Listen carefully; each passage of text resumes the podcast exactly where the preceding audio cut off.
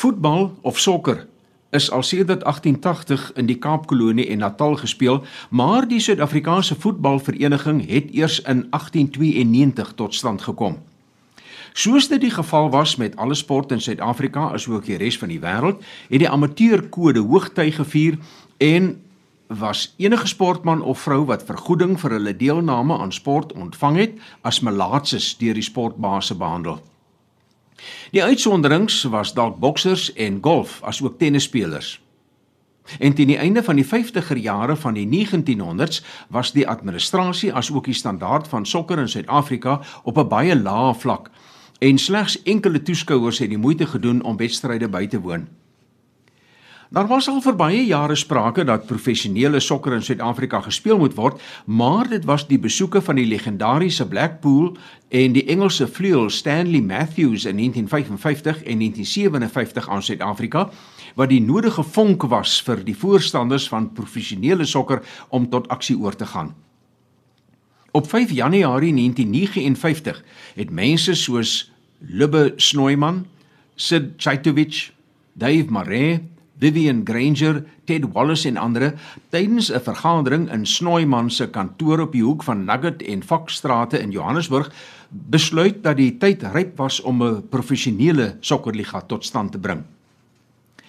Die nasionale beheerliggaam van Suid-Afrika, destyds bekend as FASA, die Football Association of South Africa, se grondwet het wel voorsiening gemaak vir die instelling en die bestuur van professionele sokker, maar daar was verskeie klousules wat dit feitelik onmoontlik gemaak het vir enige speler om teen vergoeding te speel tensy hy kon bewys dat hy 'n speler afrigter van 'n klub was.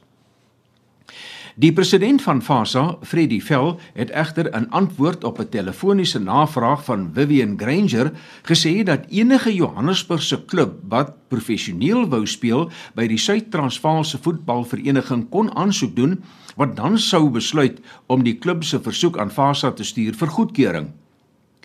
Toe Vivian Granger se berig dat die Rangers klub van Johannesburg gaan aansoek doen om professionele status op die 7de Januarie 1959 op die voorblad van die Rand Daily Mail verskyn het, was die vet behoorlik in die vuur en die amateurbase was hewig ontstel.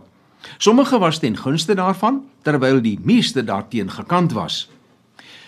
Uiteindelik is besluit om wel 'n professionele liga binne FASA se beheer tot stand te bring en dat spelers by klubs die keuse gegee sou word of hulle by die professionele klubs wou aansluit en of hulle hul amateurstatus wou behou. Op die 4de Julie 1959 het the National Football League wat bestaan het uit 12 klubs en 175 spelers amptelik afgeskop. 10 klubs was geleë in Johannesburg en omgewing terwyl die ander 2 in Durban gesetel was. En onder die klubs van Johannesburg en omgewing was Rangers, Germiston, Kellys, Arcadia Shepherds, Benoni United, Brakpan United en Randfontein. En die twee klubs van Durban was Durban United en Durban City.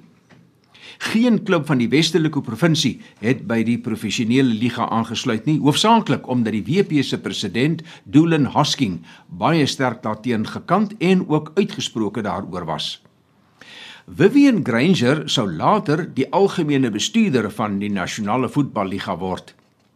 In die eerste wedstryde op die 4de Julie het Rangers vir Benoni United met 4-2 geklop terwyl Germiston Kellys met 3-1 teen Arcadia Shepherds gewen het.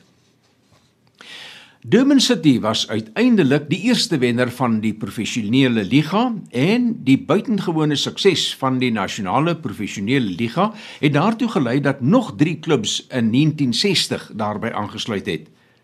Die voorstanders van die amateurkode het tevrede gemaak met die idee en volle lidmaatskap aan die professionele klubs by FASA toegestaan.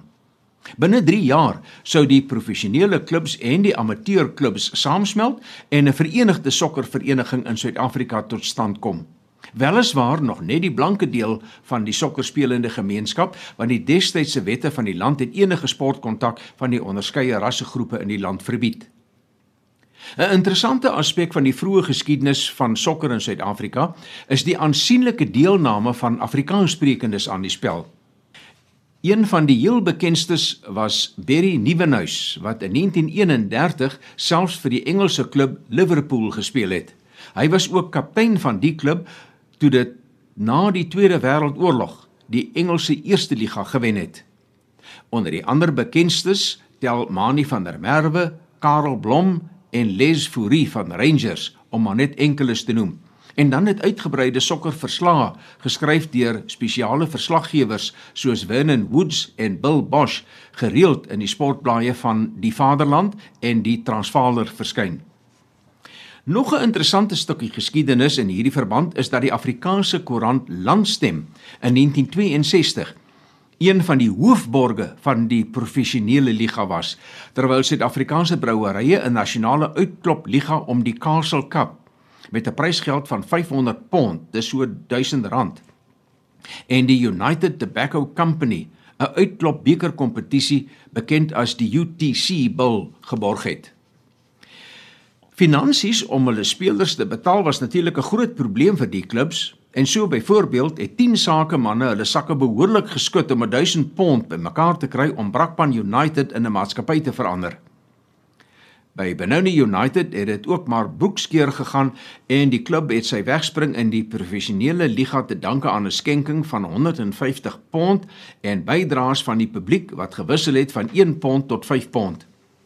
Die spelers se vergoeding was ook nou nie juis iets waaruit 'n mens ryk kon word nie, want die weeklikse kontrakfooi in 1959 was 2 pond, oftewel R4 en dan het hulle 'n 1 pond of R2 wedstrydfooi en 1 pond gekry as hulle hulle wedstryd gewen het. Die eerste professionele sokkerseisoen het egter wel finansiële voordele vir die meeste klubs gebring. So byvoorbeeld het Germiston Kellys wat gewoonlik skaars meer as 1000 pond gedurende 'n hele seisoen kon insamel, in die kort tyd van net 3 en 'n halwe maande van professionele sokker in 1959 'n bruto inkomste van 4197 pond en 19 shillings gehad. Dis so amper 8400 rand waarvan die spelers 1333 pond, 12 shillings en 9 pennies gekry het en 415 pond se vermaaklikheidsbelasting aan die staatskas betaal is. Na net 2 seisoene het sokker in Suid-Afrika 'n ongekende revolusie ondergaan, want die administrasie van die professionele liga, die fiksheid van die spelers en ook hulle benadering tot die spel die mededingende gehalte van die spelers se spelpyl en die belangstelling van die toeskouers alle verwagting oortref.